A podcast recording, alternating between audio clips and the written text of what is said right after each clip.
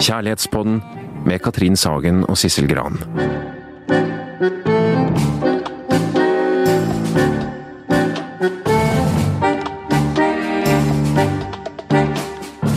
Her sitter Sissel og jeg i studio, og det vi skal gjøre her, det er å utforske det store temaet kjærlighet. Hva er kjærlighetens bestanddeler?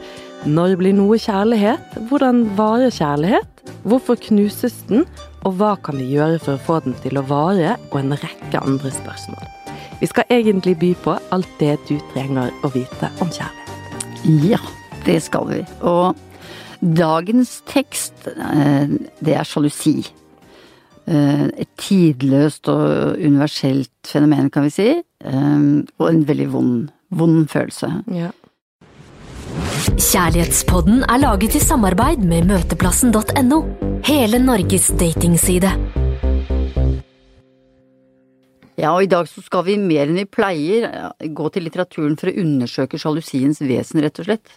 Så dette blir en litt um, annerledes uh, episode av Kjærlighetspodden, hvor vi, eh, vi skal se nærmere på hvordan en del litterære verker, både klassiske og nyere litterære verker, behandler eh, og beskriver ekstrem sjalusi.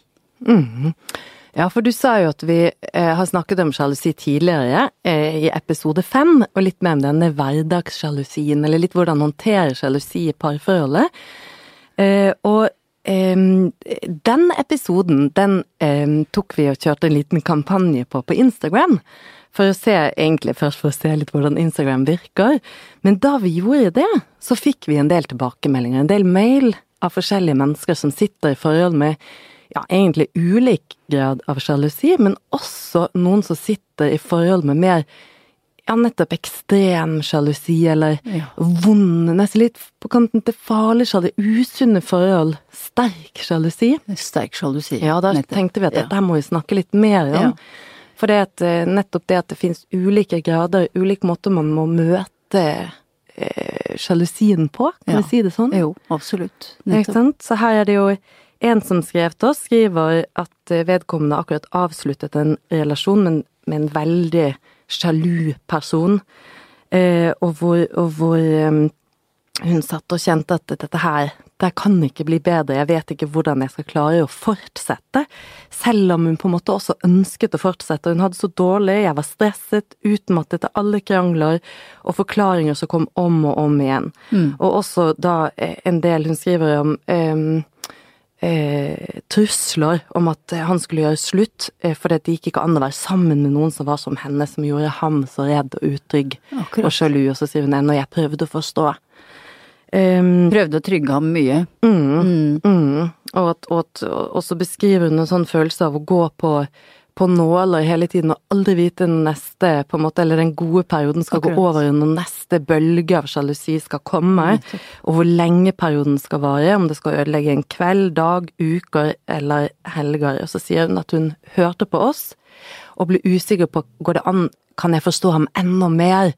Eh, For vi snakker jo om dette her at man kan reparere et slags samarbeidsprosjekt i episode fem, ikke sant? Mens hennes beskrivelse her virker som en litt større Ja. eh, sjalusi enn det man bare kan på en måte kanskje klare å reparere selv. Hva tenker du? Jo, jeg syns det høres ut som hun har, følt seg, altså hun har følt seg veldig forfulgt. Mm. Og hun beskriver jo det som skjer hvis man lever i et mishandlingsforhold. Mhm. Hvor du aldri kan være trygg, og hvor du aldri vet når neste runde kommer, og hvor du går på egg, eller hun sier at hun går på nåler. Mm. Uh, noe som er en uh, Altså hvor du blir overtilpasset, kanskje. Ja, ikke sant. Og, og den redselen som jeg ser ligger under hele veien her, hvor hun skriver at hun har vært, eh, vært redd, og at han har vært så sint. Vært så sint, ja. Mhm. Og nå, er hun ute av det. Nå er hun ute av det, men så skriver hun finnes det håp, for oss, kan vi reparere det, burde jeg gå tilbake, kan mer terapi hjelpe? Eh, ja. Det er jo vanskelig å er svare, for vi vet jo ikke noe mer enn en akkurat dette, det, det men, men det er jo Men det vi må, jeg tror vi må si til det, det er at når hun har tatt den beslutningen og gått ut av det fordi dette har vært så tærende mm, uh, for henne, eh, så tror jeg ikke vi kan sitte her og, og gi en anbefaling og si at vi syns du skal prøve å forstå ham mer, vi syns du skal gå tilbake, vi syns dere skal gå mer i terapi. Jeg tenker, og jeg tror du er enig med meg, at hvis, eh, hvis disse en gang i fremtiden skal få til et forhold igjen, så må han gå og arbeide iherdig med sin sannsynligvis mer sånn iboende sjalusi. Mm. Fordi det å leve i et forhold hvor du aldri føler deg trygg på om du blir møtt med anklager og den andres kontroll, øh, og hvor du føler deg redd hele tiden Vi kan ikke anbefale at noen skal gå inn i det igjen. Mm. Det kan vi ikke. Nei. Så dette er jo en inngang til å snakke om nettopp dette med den vonde, sterke, voldsomme sjalusien. Ja. Uten at vi skal si, at, eh, si noe mer om akkurat dette, denne lytteren, men, eh, men mer generelt nå. Men at sterk sjalusi finnes der ute i Ja. verden, ikke bare i bøkenes verden. Så dette temaet sjalusi er jo såpass stort og sammensatt at vi kommer til å komme tilbake til det flere ganger utover i Kjærlighetsbåtene. Ja, det gjør vi.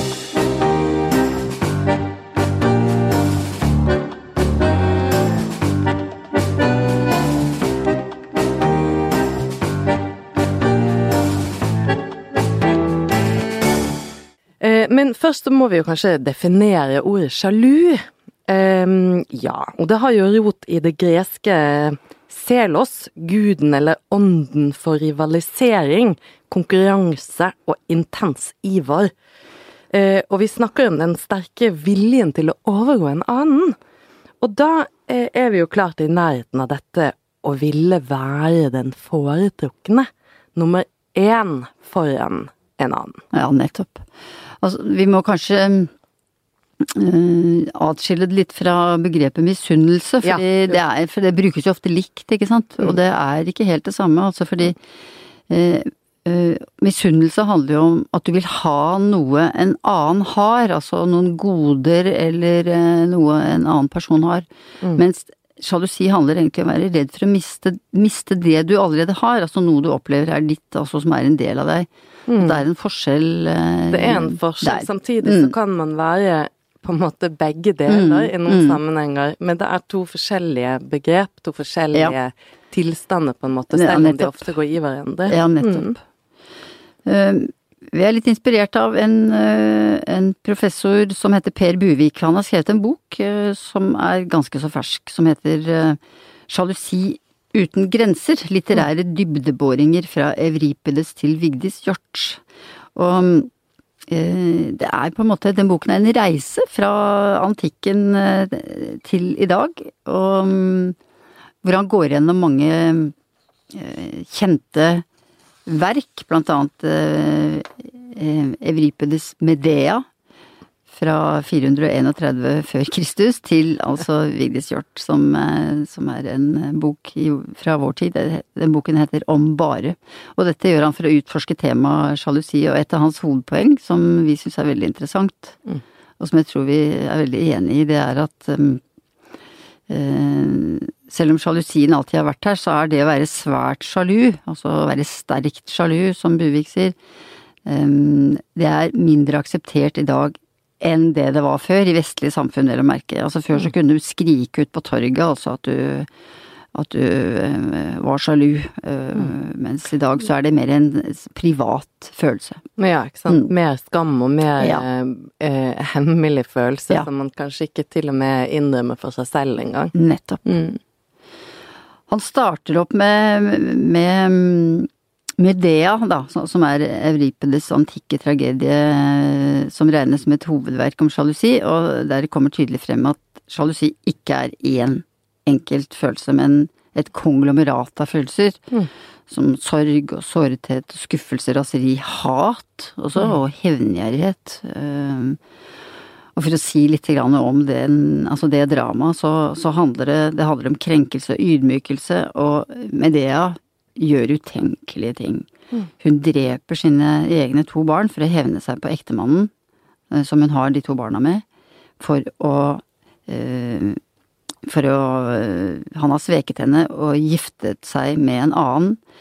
Medea er prinsesse, altså har veldig høy byrd, og har gjort store ofre for å gifte seg med Jason, som han heter. Hun har flyktet fra sin egen far, kongen, hun har drept sin bror. Det er voldsomt. Ja, det er Voldsomt, vet du. Altså, at, så hun eh, betraktes jo som veldig radikal i, i sitt kjærlighetsvalg da, på den tiden.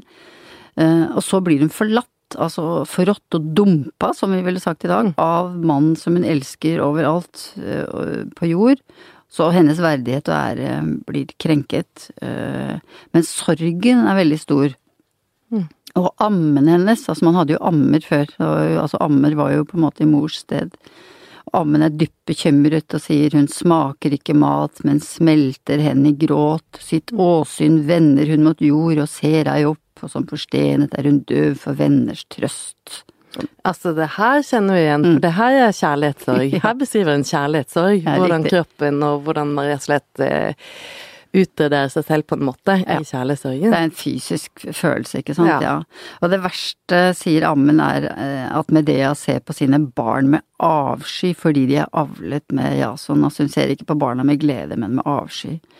Og hun sier også at eh, Medea er farlig og uberegnelig fordi hun er sjelesyk. Hun er ikke bare fortvilet, men også preget av villskap og hat. Ja, Det kan man jo si, for hun gjør jo dette grusomme. Det er helt utenkelig å drepe sine egne barn. Mm. Men vi, vi vet jo at det dessverre er sånn i dag òg. Mm. At, eh, at eh, samlivsbrudd eh, kan føre til det, eller at far dreper barn og seg selv, mor, hele familien, og at, og at vold rett og slett kommer inn på, på den måten i dag òg. Mange Mm. Ja. sjalusidrap. Ofte i et sånn oppbruddsfase, mm. i fortvilelse over å være forlatt og vraket, ja. Men det er, det er en utenkelig handling, men som allikevel skjer, altså. Det er ikke alltid en spontan handling heller, for det Medea, hun planlegger disse drapene, hun, hun har en hevnplan. Og der um, har vi hentet et sitat fra eh, Buviks bok som eh, Ola G. Furuseth leser. Og jeg vonder meg ved det som efterpå må gjøres. Jeg må drepe mine egne barn. Min feil, mitt store feiltrinn, var at jeg forlot mitt hjem og lyttet til en lumsk leners ord. Men snart skal han med guders bistand få sin straff. Til aldri skal han se de barn han fikk med meg, i live. Aldri skal han med sin nye brud få avlet barn. Ti hun, den skjendige, skal dø en skjendig død ved gift, den gift hun får av meg. Om meg skal ingen tro at jeg er feig og svak og rolig finner meg i alt. Nei, tvert imot. Mot venner er jeg mild, men rammer uvenn.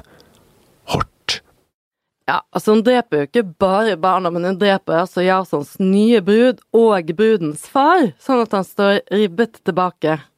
Det utrolige her er jo at Medea kommer unna med det. Hun er jo en massemorder, liksom, rett og slett. Hadde jo ikke, hadde jo ikke skjedd i dag. Eller i andre kulturer kanskje er æresdrap akseptert, eh, men, men eh, ja, det er jo rystende, da. Mm. Er helt, helt inn.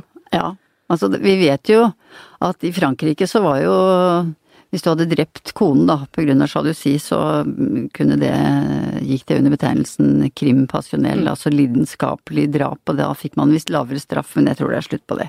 Ja, det kommer i fengsel for Du dette. kommer i fengsel for dette. Mm.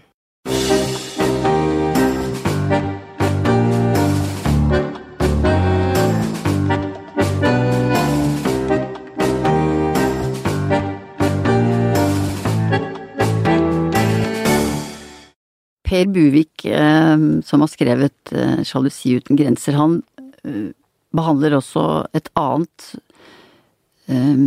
storverk, et historisk verk som veldig mange kjenner, som, er, som ble skrevet av Shakespeare i, i 1605, eller uroppført i 1605. Og det er eh, tragedien om Otello og hans hustru Destemona. Um, det handler også om drap, men her dreper altså hovedpersonen sin elskede kone fordi han tror at hun er utro med en annen. Um, han blir ført bak lyset, egentlig, av sin gode venn Iago. Uh, og handlingen er ganske tricky, egentlig. Uh, jeg kan bare si litt om hva det handler om. Uh, og det Otello er uh, en svart mann i, i Venezia, og handlingen foregår egentlig ja, på fem, fem, rundt 1570. Men uh, Otello er av edel byrd, og han er general um, i tjeneste hos dogen av Venezia, så han er høyt på strå. Um, selv om han uh, også er litt, hva skal vi si, han er litt en outsider i det samfunnet om å bevege seg med litt forsiktighet. Uh, han har også giftet seg med Destemona uten hennes fars samtykke. Mm. Så det er litt det er, det er dristige Han er flink på å legge opp ja, intrigen. Ja, veldig. Han kan det, Shakespeare, altså. Virkelig, altså. Um, det som er plottet, det er jo at Iago er sjalu på Cassio, som også er en venn av Otello, som blir foretrukket foran Iago og får en plass som Otellos nestkommanderende en posisjon Iago har ønsket seg. Og Iago er også sjalu på Destemona, fordi hun har en så veldig viktig posisjon hos Otello, for han elsker hustruen så veldig høyt. Så Iago vil egentlig bli kvitt både Cassio, sin rival, og Destemona for å få igjen plassen sin hos Otello. Er du med? Mm, absolutt. Ja, ja. Jeg, jeg, er der nede. igjen. ja, mm. ikke sant. Ja, og det er eh, et forferdelig plott, mm. fordi Det er jo helt grusomt. Ja, det er grusomt. Mm. For Iago planter da den tanken i Otellos eh, hode mm. at Destemona har et forhold til Cassio. Mm. Det er jo ganske fikst. Ja. Han er vill på å få tilbake plassen ja, sin, i hvert fall. Han er det, altså. Og det gjør jo at Otello kastes ut i en sånn kognitiv dissonans, som vi kaller det i psykologien, ikke sant. Mm, hvor må du si litt mer ja, hver, for det er ikke Ja, hvordan skal han håndtere denne informasjonen som han får, som liksom etter hvert begynner å sive inn i både kropp og sjel hos ham. Um, skal han stole på Iago? Mm, på den ene siden. Og og, de, og mistro Destemona? Mm. Eller skal han stole på Destemona og mistro, eventuelt kvitte seg med Iago? Så det er et Mm. fryktelig dilemma, ikke sant. Mm. Og dette er jo et samfunn som eh, er ekstremt mannsdominert, og hvor kvinner har lite de skulle ha sagt, og hvor det er viktig for han å holde seg inne med selvfølgelig da menn, Mm. og menn i sterke posisjoner, så gradvis så vipper han mer og mer over i troen på at det Iago faktisk forteller, er sant. Og så dryppes det inn ulike former for bevis også. Et lommetørkle blant annet, og sånne symbolske En så. effekter. Ja, er annen historie. et lommetørkle, ikke sant, som har en sånn symbolsk effekt og så videre. Altså et lommetørkle på avveie. Så Shakespeare drypper inn sånne små sånne symbolske eh, ting for at vi skal For at Otello skal, Skal bli lurt skal bli lurt. Mm. Ja.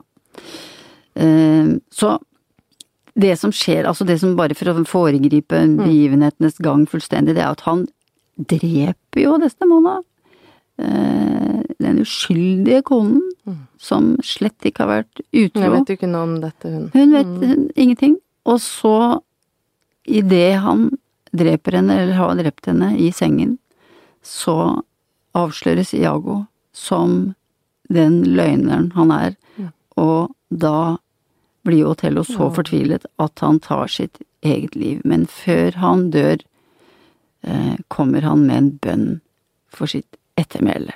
Og den bønnen skal eh, vi høre nå. Den er altså sitert i, i eh, Per Buviks bok. Eg be at når det skriv og melder frå om disse triste verk, fortel det som det var. Ikke bortforklar, og skriv ikke i vondskap. Det må tale om en som ikke elska klokt, men veldig.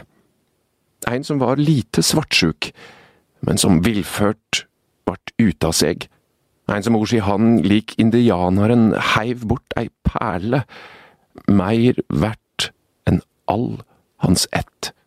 Dette her er jo helt grusomt, for det at som tilskuer til dette teaterstykket, som det jo er, så vet vi jo hva som er sant, ikke sant? Og hadde det vært barneteater, så hadde jo barna sittet og ropt 'Otello, du må ikke tro på ham! Han lyver, han lyver!' og så videre. Um, men Otello tror jo på ham, som vi vet, og vi ser jo hvordan han lider seg gjennom sjalusiens forferdelige stadier. Vantro, tvil, mistanke, over til overbevisning og vanvidd eller panikk. Nettopp.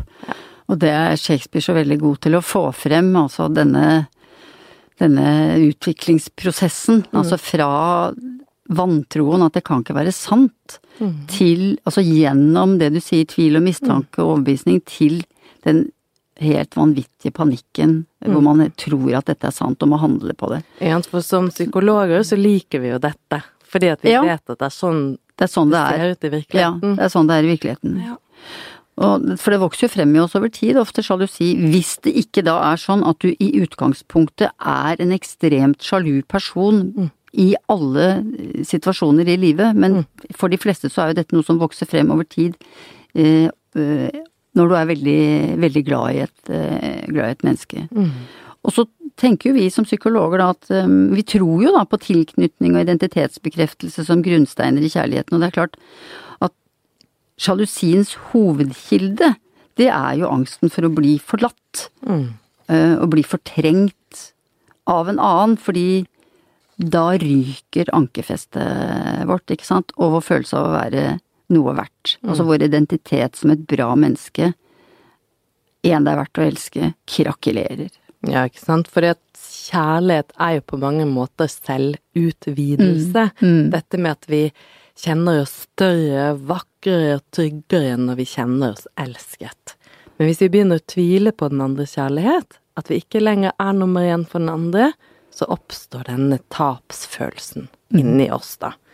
Eh, og vi kan snakke om en reversert opplevelse. Det med at selve da plutselig krymper, eller man får en redusert selvfølelse.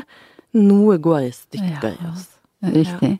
Nettopp. Men vi skal gå videre i litteraturens verden, vi altså, fordi Og Per Buvik, han har også øh, Han har gått gjennom mange flere verk, men vi skal unne oss en øh, liten smakebit fra Vigdis Hjorts bok Om bare. Altså, det er et moderne verk, Mm. der sjalusi også utforskes. Og, der er det Ida og Arnold som er hovedkarakterene i den romanen. eh, som utvikler et forhold. Eh, Arnold er gift, eh, og Ida forelsker seg voldsomt i denne mannen som det er vanskelig å få. Fordi han eh, har egentlig ikke noe ønske om å gå ut av sitt ekteskap.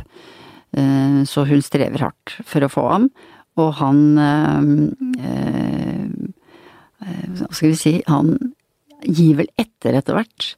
Og når hun opplever at han begynner å elske henne, så skjer dette som du snakker om, altså denne selvutvidelsesprosessen. Eh, Ida nærmest Altså hun vokser, hun stråler, hun kjenner seg uendelig trygg i visshet om at hun er elsket av Arnold.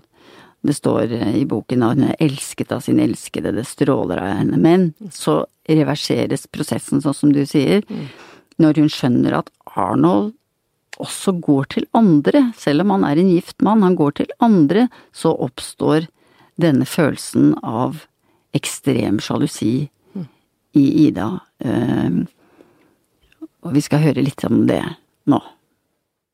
Det er en søndag. Det er kaldt. Det er desember. Det er vondt.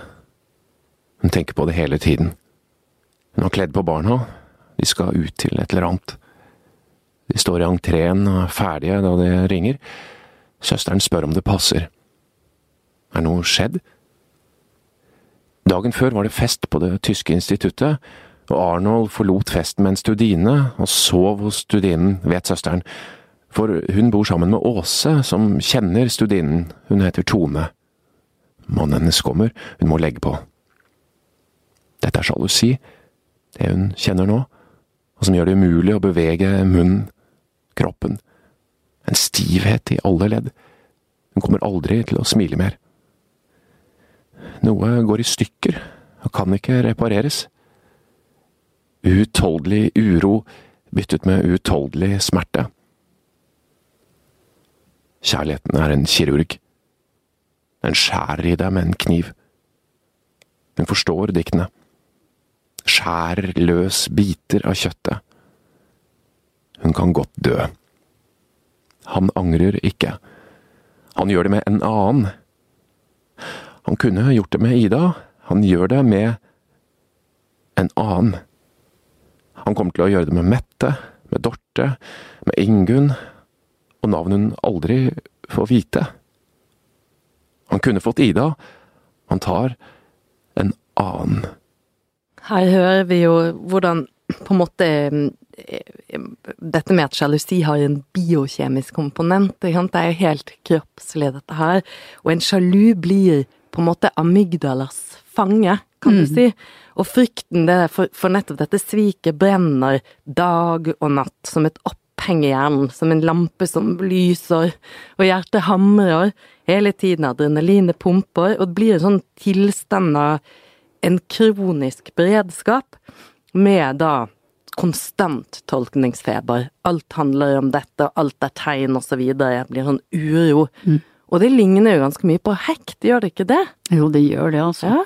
Amygdala, det er jo denne, det er jo fight and flight-senteret i hjernen vår, ikke sant, som, eh, som, passer på å sjekke ut hele tiden, er det trygt? Ja. Og når den begynner å blinke, sånn som du beskriver nå, så, og hele tiden forteller at det er utrygt, så er vi i en kronisk stressituasjon, rett og slett, ja. altså. Og det verste som fins, det er jo da å være utsatt for det vi kaller for intimiterende eller periodisk belønning, ikke sant. Mm. At den for det er Ja, for den du elsker liksom mm. kommer og går, er litt kald og litt varm, er litt av og litt på, er litt fjern og litt nær. Du vet aldri hvor du har vedkommende. Mm. Og det er det som skjer, syns jeg, eh, i Om bare, som jeg mm. syns ligner mer på en hektrelasjon enn en avhengigheten ja. som du beskriver her, som ja. også er det samme prinsippet som brukes til sånne pengemaskiner. Ja. Av og til får du litt, og som oftest får du ikke. Det er sånn alle spillmaskiner og all betting og gambling egentlig er bygget opp, ikke sant, mm. på prinsippet om intimiterende forsterkning. Og det å være utsatt for en som kommer og går, og som, som på en måte noen ganger er utilgjengelig, andre ganger er tilgjengelig, og du vet aldri når. For sånn er Arnold i denne boken, sånn er han, og det er ingenting som er så ekstremt sjalusifremmende hos en partner som at man opp, når den andre oppfører seg på den måten. Mm.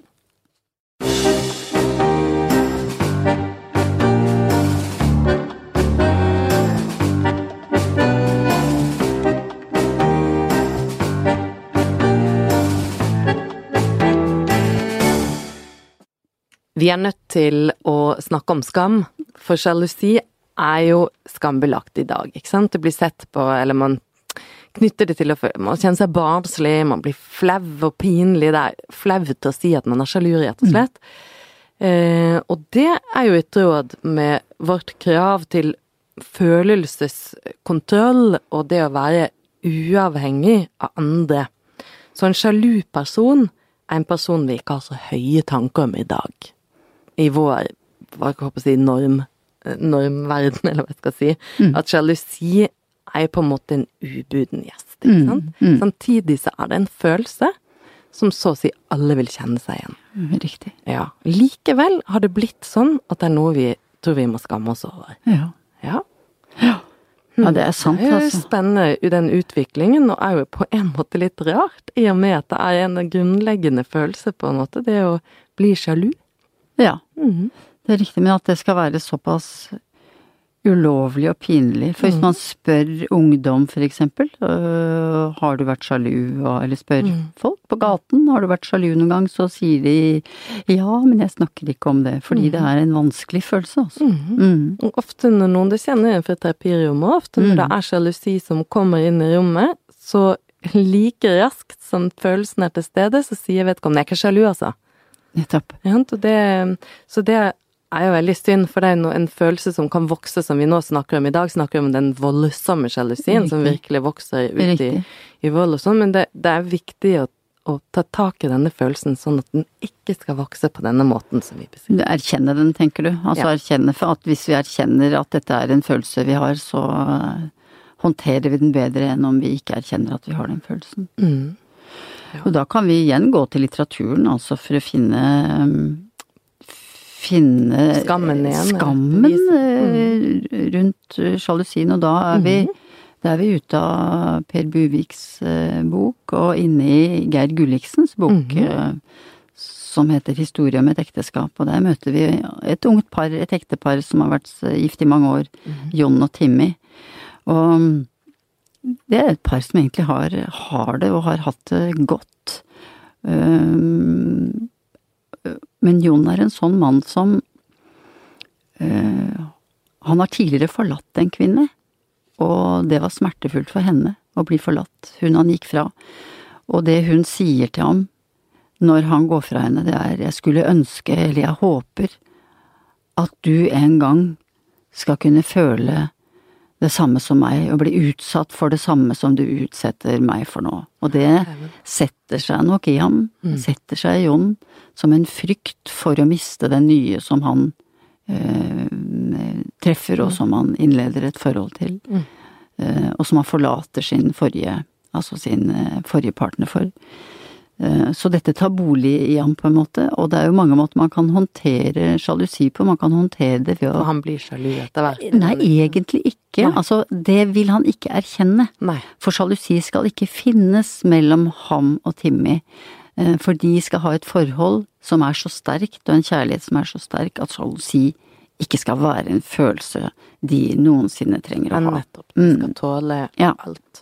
Så han håndterer nok sin frykt og sin mulige sjalusifølelse ved å benekte, eller avvise fullstendig, at han kanskje er sjalu. Fordi det, Timmy, det som skjer med Timmy, er at hun treffer en annen, forelsker seg en annen, og i stedet for å hjelpe henne å sette en grense, så skyver han henne på en måte ut i det, for å bevise både for seg selv og for henne at han er ikke redd, og han er ikke sjalu. Mm. Og vi skal høre litt fra handlingen der. Nå var jeg trygg igjen. Det ble jeg alltid når hun var hjemme, når vi var i samme rom. Jeg bøyde meg fram mot henne, jeg sa at det ikke var farlig, at hvis hun noen gang skulle få lyst på en annen, for eksempel ham, så burde hun bare følge det, gjøre noe med det. Jeg sa at det ville kle oss to. Jeg veivet med armen ut mot hagen, eller forbi hagen, mot de andre husene i nærheten. Jeg ville så gjerne leve et annet slags liv. Jeg kunne gjort hva som helst, nesten, for å slippe å være en vanlig mann, i en verden som reproduserte seg selv i det uendelige, der alle lignet på alle, og der livet så ut til å være forutbestemt. Et sånt flatt og lite liv. Jeg holdt ikke ut tanken på å se meg selv eller henne sånn, det sa jeg ofte. Og hun sa at hun visste det. Hun likte det, selv om hun ikke skjønte det helt, hva det innebar. Jeg sa… Hva sa jeg? Noe om at hun måtte følge det som var mest levende i henne selv. En hvilken som helst annen ville blitt sjalu, ville lagd scener, ville blitt forbanna på en mann som helt skamløst la an på en annen manns kone. Men jeg ble i godt humør, så det ut til. Jeg ble ivrig. Jeg ville vite hva det gjorde med henne nå som hun var hjemme igjen, nå som vi to var sammen. Nå var det ikke grenser for hva som kunne skje. Det virker raust, ikke sant, å tenke på den måten, men eh, det som skjer, det er jo at Timmy forsvinner ut av hans liv. Mm. Fordi eh, han blir så ivrig etter å bevise for seg selv og henne at han ikke er redd, han er ikke sjalu, han tåler alt, og deres kjærlighet tåler alt. Så hele boken er jo egentlig en undersøkelse av hvor mye kjærligheten tåler, og kjærligheten tåler jo slett ikke alt, og det viser seg jo også mot slutten, fordi det forholdet går jo i oppløsning. Mm. Mm. I begynnelsen, er dette med sjalusi er jo også en sånn bekreftelse for at du er viktig for meg, ikke sant, og det, og det Så i starten av et forhold særlig, så opplever man jo gjerne sjalusi som, som bekreftende, som et uttrykk nettopp for den intense kjærligheten, ikke sant? Etter hvert så kan det bli annerledes hvis sjalusien da tar bolig i den som er sjalu. Eh, og, og, jeg tenker, vi må jo også si noe om hvordan det er å være den som er utsatt for denne sterke sjalusien. Eh, for det er jo helt grusomt å være den andre, for begge blir jo på en måte utsatt, eller blir spillere i dette plottet, eller hva jeg skal si, mm. og blir litt sånn eh, etter hvert annerledes versjoner av seg selv, rare mm. versjoner av mm. seg selv. For over tid så mister sjalusien sin sjarm, særlig hvis den opptrappes og blir voldsom. Nå har vi hørt mange voldsomme historier i dag.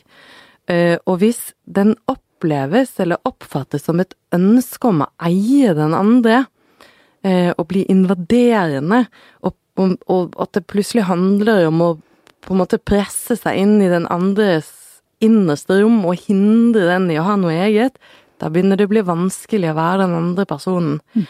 Um, for sjalusien handler jo, som vi har sagt, om angsten om å bli forlatt. Men det gjør den ikke noe mer akseptabel. Mm. Den oppleves ikke lenger som en kjærlighetserklæring idet den blir sånn påtrengende og pressende. Mm, når den sjalu blir en sånn forfølger. Mm. Mm. Ja, fordi en som er sjalu, og det er jo en fortvilet følelse. Men en som blir eh, sjalu øh, mer og mer, altså som mm. går igjennom disse stadiene fra vantro og tvil og etter hvert mistenksomhet og så en slags visshet og så panikken. Eh, den personen får det jo på hjernen, altså mm. får sjalusien på hjernen og blir en mistenksom forfølger. Altså, man skammer seg, men greier ikke å la være å bore allikevel i alt det partneren gjør og tenker. Det er ikke alltid det er berettiget, det er ikke alltid det handler om noe nei, som er ekte heller. Nei, nei, det er helt fortvilende. Helt fortvilende. Det kan handle om ting man har opplevd før i sitt liv, ikke sant, og en mm. usikkerhet som, som er blitt plantet der i, i, forbindelse med andre opplevelser man har hatt i livet, andre relasjoner man har hatt. Mm. Men dette her blir en tvangstanke for mange. Og vi skal gjøre vi skal gjøre en siste liten tur altså mm. inn i en bok som behandler dette, denne tvangstanken, som sjalusien kan være på det mest hjerteskjærende vis, og det er Stig Seterbakkens bok 'Ikke forlat meg'. Vi har snakket om den før. Mm, den andre sjalusien. Mm, mm. Men vi kommer allikevel ikke utenom den uh, boken som mm. handler om to veldig unge mennesker som heter Aksel og Amalie. Aksel har hatt et dårlig liv, faktisk. Han har vært en utstøtt eh, og mobbet gutt på skolen i alle år, og så treffer han Amalie og blir verdens lykkeligste menneske, og de utvikler et veldig varmt og vidunderlig kjærlighetsforhold. Mm. Og så gjør de en feil, altså, og den feilen de gjør, det er jo at eh, de forteller hverandre om sine seksuelle erfaringer. Litt for fort, og, litt, litt for, for mye. og litt for mye. Amalie forteller altfor detaljert og for fort, eller for, om en veldig eh, veldig spesiell seksuell erfaring hun har hatt med en, en mye eldre gutt, og dette får Aksel på hjernen, altså. Og det, det er viktig, ja. jeg må bare skyte inn, det er ja. ikke farlig å snakke om sitt tidligere liv når man blir sammen med noen. Det er det er tvert imot viktig å gjøre mm, det, men det er mm. måten man gjør det på. Gjør man det for fort, gjør man det for voldsomt, for detaljert, uten ja. å ta vare på den nåværende kjæresten, så kan det oppstå sånn retrospekt sjalusi som Riktig. Altså at du kan bli sjalu på den andres fortid. liv. Men det er jo også sånn at hvis du er en sårbar person, som jo unge Aksel er, så tåler man selvfølgelig dette mye dårligere enn når man er en veldig robust person. Ja. ja. Og det som, som skjer her, det er jo at han kan Etter hvert så greier han ikke tenke på noe annet. Alt, alt forstås for han da innenfor rammen av denne at, at, han kommer til å miste henne. Så han er Altså sjalusien er, Han er blitt besatt, rett og slett. Så vi skal høre litt grann eh, fra det. Ja. Du forsøker å tenke godt. Du klamrer deg til hvert håndfaste tegn. Men det hjelper ikke hva hun sier eller gjør. Bildene innenfra overdøver bildene utenfra. Du kan ha henne naken foran deg, med åpne, utstrakte armer, og det eneste du ser er svik, bedrageri, koketteri. Hun smiler til deg, det deilige smilet som en gang fikk mennesket i deg til å våkne, og du blir kvalm ved tanken på hvem andre dette smilet vil komme til å være myntet på, den dagen du ikke klarer å holde på det lenger. Det deilige, uimotståelige smilet som er ditt, som er ditt, som er ditt, helt til du blir en annens. Hun stryker deg kjærlig over nakken, og du tenker, hvem andre kommer du til å stryke på denne måten, så ømt, så gledesfylt, så nytelsesfullt? I kinoens mørke, hånden hennes som famler seg fram til skrittet ditt og klemmer til, og du tenker, hvis det hadde sittet en annen her, ville du vel gjort det samme? Dere feirer fødselsdagen din. Når du våkner om morgenen, ligger 20 røde roser spredt utover dynen, og du tenker, du skulle sikkert ønske at det var 30 roser, 40 roser, som lå der. At han du var sammen med, var dobbelt så gammel. At han var en moden mann, en det aldri var noe usikkerhet med, en som var trygg i ett og alt, en som behersket enhver situasjon, en som kunne vise deg verden, som kunne introdusere deg for alt som var ukjent, som kunne fortelle deg med en verdensvant mine alt du trenger å vite. Ja, dette er jo veldig vondt. Han blir jo helt sånn besatt her, ikke sant. Maler bilde på bilde. Han blir jo nesten som Otello, Mm. bortsett fra at han dreper jo ikke Amalie. Det gjør han ikke. Men det han gjør, er jo at han dreper forholdet, kan du si. Ja. Ja. Så han blir en kriger, og hun blir krigens offer. ja, riktig. Ja. Men det blir jo en, en sånn selvoppfyllende profeti, at han mister da, mister jo det han elsker mest, og hun forlater. Og sånn må det nesten gå. Ja, riktig. For hun blir jo utslitt Mm. av å være i dette. Ja. Eh, og mm, Mistanke på mistanke Ja. og maling. Og det som skjer etter hvert Altså først så blir hun jo bare eh, lei seg og sliten, Mm. og etter hvert så syns hun jo bare synd på ham. Mm. Ja, ikke sant. En Ja. sjalu blir så stakkarslig. Han blir så stakkarslig i seg selv. Blir liten. Ja, det er akkurat det. Mm. Men vi har jo snakket om, vi har snakket om eh, i denne episoden eh, hvor vondt det er å være sjalu. Mm.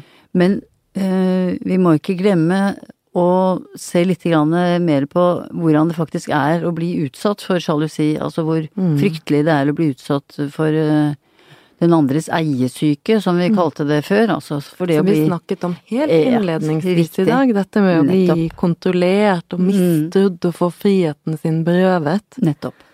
Mm. Jo, vi kan jo forstå, altså, for det er viktig øh, vi, altså, Som terapeuter så er det veldig viktig. Og partnere er det også viktig for å forstå og, og ha medfølelse med altså den som er hjelpeløst sjalu. Mm. Men det er like ille, og noen ganger nesten verre, å bli utsatt for sterk sjalusi.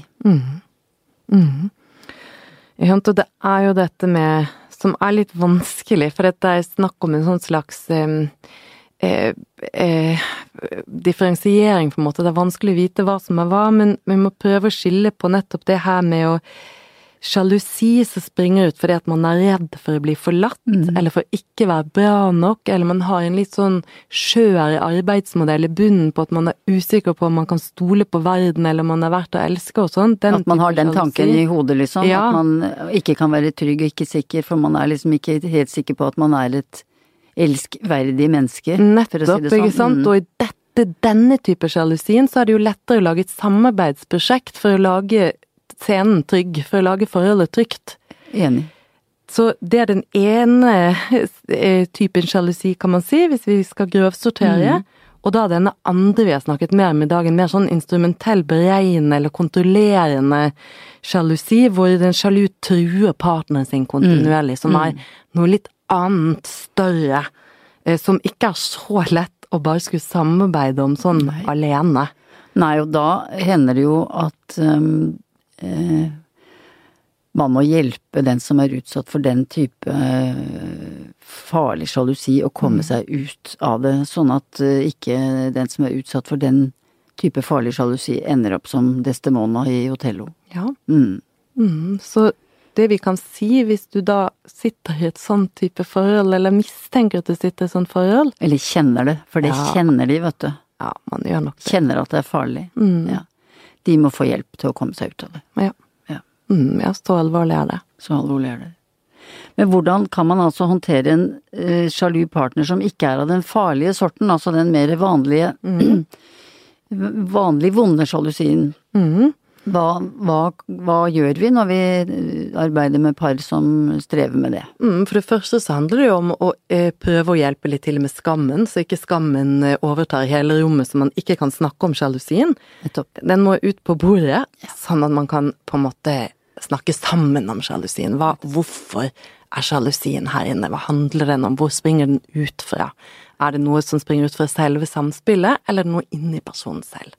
Men kan det, jeg er helt enig, men går det an noen ganger å Um, hjelpe den som blir utsatt for sjalusi til å være tydeligere og sette litt mer grenser for hva han eller hun faktisk er interessert i å tåle? Ja, det kan man jo tenke, tenke seg, ikke sant. Dette med å ikke bli selvutslettende og, og forsvinne helt vekk, men ta, ta plass og ikke la seg dra inn i den sjalus tankesett og på en måte eh, lage disse selvoppfyllende profetiene, men på en måte prøve å bremse og sette en stopper og sammen gå ut i den virkelige verden, på en måte, hvis man kan si det sånn. Men kan man også si til den veldig sjalu kjæresten sin da at du må faktisk gjøre noe med dette, fordi jeg kan ikke leve sammen med deg eller være kjæreste med deg hvis ikke du gjør noe med dette, for du har ingen grunn til å være sjalu, jeg er glad i deg, du er min og jeg er din, og du har en jobb å gjøre. Altså man må noen ganger forlange at den andre arbeider med saken også noen ganger på egen hånd og blir litt operativ i forhold til det, og gjør en jobb med sin egen utrygghet som ikke handler om at kjæresten din er på en sånn måte at du har grunn til å være utrygg. Ja, det tenker jeg absolutt. Mm. Gå, gå og kanskje oppsøke rett og slett en psykolog. Mm. Få hjelp til å rydde egen arbeidsmodell, for å si det sånn. Hvilket sånn indre trygghet man har, for å nettopp kunne ta på seg virkelighetens briller og se kjæresten eh, og hele virkeligheten. Eh, og så kan man jobbe sammen i prosjektet senere, men ofte er det vel sånn også at den som da bærer sjalusien, må, må gjøre en, en, et arbeid selv. Nettopp. Men som partneren kan støtte opp under etter hvert, og bejae, ikke sant? Og når vi tenker, når vi sier arbeidsmodell, så tenker vi på en sånn, hva skal vi si, da tenker vi vel på den det trossett eller tankesett man bærer med seg, har med seg i hodet sitt eller i hjertet sitt, mm. om er jeg verdt å elske, kan jeg være trygg på at noen vil meg vel, så videre. For hvis det er veldig skjørt, så, så kan det ende opp i sjalusi, og det, må, det er en Altså, den arbeids, indre arbeidsmodellen der kan noen trenge hjelp med å håndtere. Ja, absolutt. Den kan ikke alltid en kjæreste hjelpe deg å reparere. Så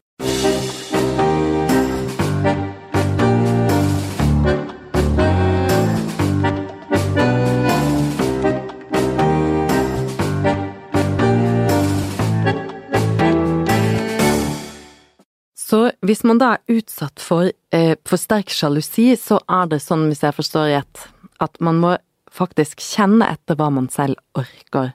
Orker jeg å ha en partner som hele tiden er på vakt, som ikke har tillit til meg, eh, og ta en liten innsjekk der, for det kan faktisk ramme egen selvfølelse og trygghetsfølelse. Det er riktig. Og den som eh, er utsatt for sjalusi, kan bli veldig skvetten og veldig overtilpasset og begynne å sensurere seg selv, over tid bli en annen enn den han eller hun ønsker å være. Og det, eh, da begynner vi å snakke om et selvfølelsetap, og det er veldig alvorlig. Ja, det er uhelse. Det er uhelse. Ok, men så er det dette, bare noen få avsluttende ord til slutt, rett og slett. Det er jo det at noen ganger, vi må gå i oss selv, altså man må gå i seg selv også hvis man har en sjalu partner. Er det sånn at man kanskje gir partneren grunn til å være sjalu? Er du en flørt? Er du utydelig? Eh, Er du begeistret for alt og alle utenom partneren? Eller er du en person som har vært utro en eller flere ganger, sånn at du har etterlatt partneren din i sånn alltid beredt tilstand, eller i, ja, i alarmberedskap? Altså, Mm, og har de Har, har dere den eh, samme eh, på en måte kontrakten for hva vårt forhold er? Hvor går grensene for hva vi utleverer til andre, for eksempel? Hvilket, hvilke grenser har vi i paret vårt? Kan også være en god samtale. Så hvis vi skal si én ting til helt til slutt, så er det vel det at når man blir et par, så må man faktisk snakke om disse tingene. Ja. Innledningsvis og underveis, hva slags par skal vi være, hvordan skal vi være overfor hverandre, hvordan skal vi forebygge at vi blir sjalu. Ja, og aldri slutt med det. Aldri slutt med det. Og vil du høre mer om sjalusi, så kan du også høre på episode fem, som også handler om sjalusi. Eh, følg oss gjerne på Instagram eller Facebook. Der heter vi Kjærlighetspodden. Og skriv gjerne en kommentar hvis du vil på iTunes. Kjærlighetspodden er laget i samarbeid med møteplassen.no. Trygg og seriøs dating på nett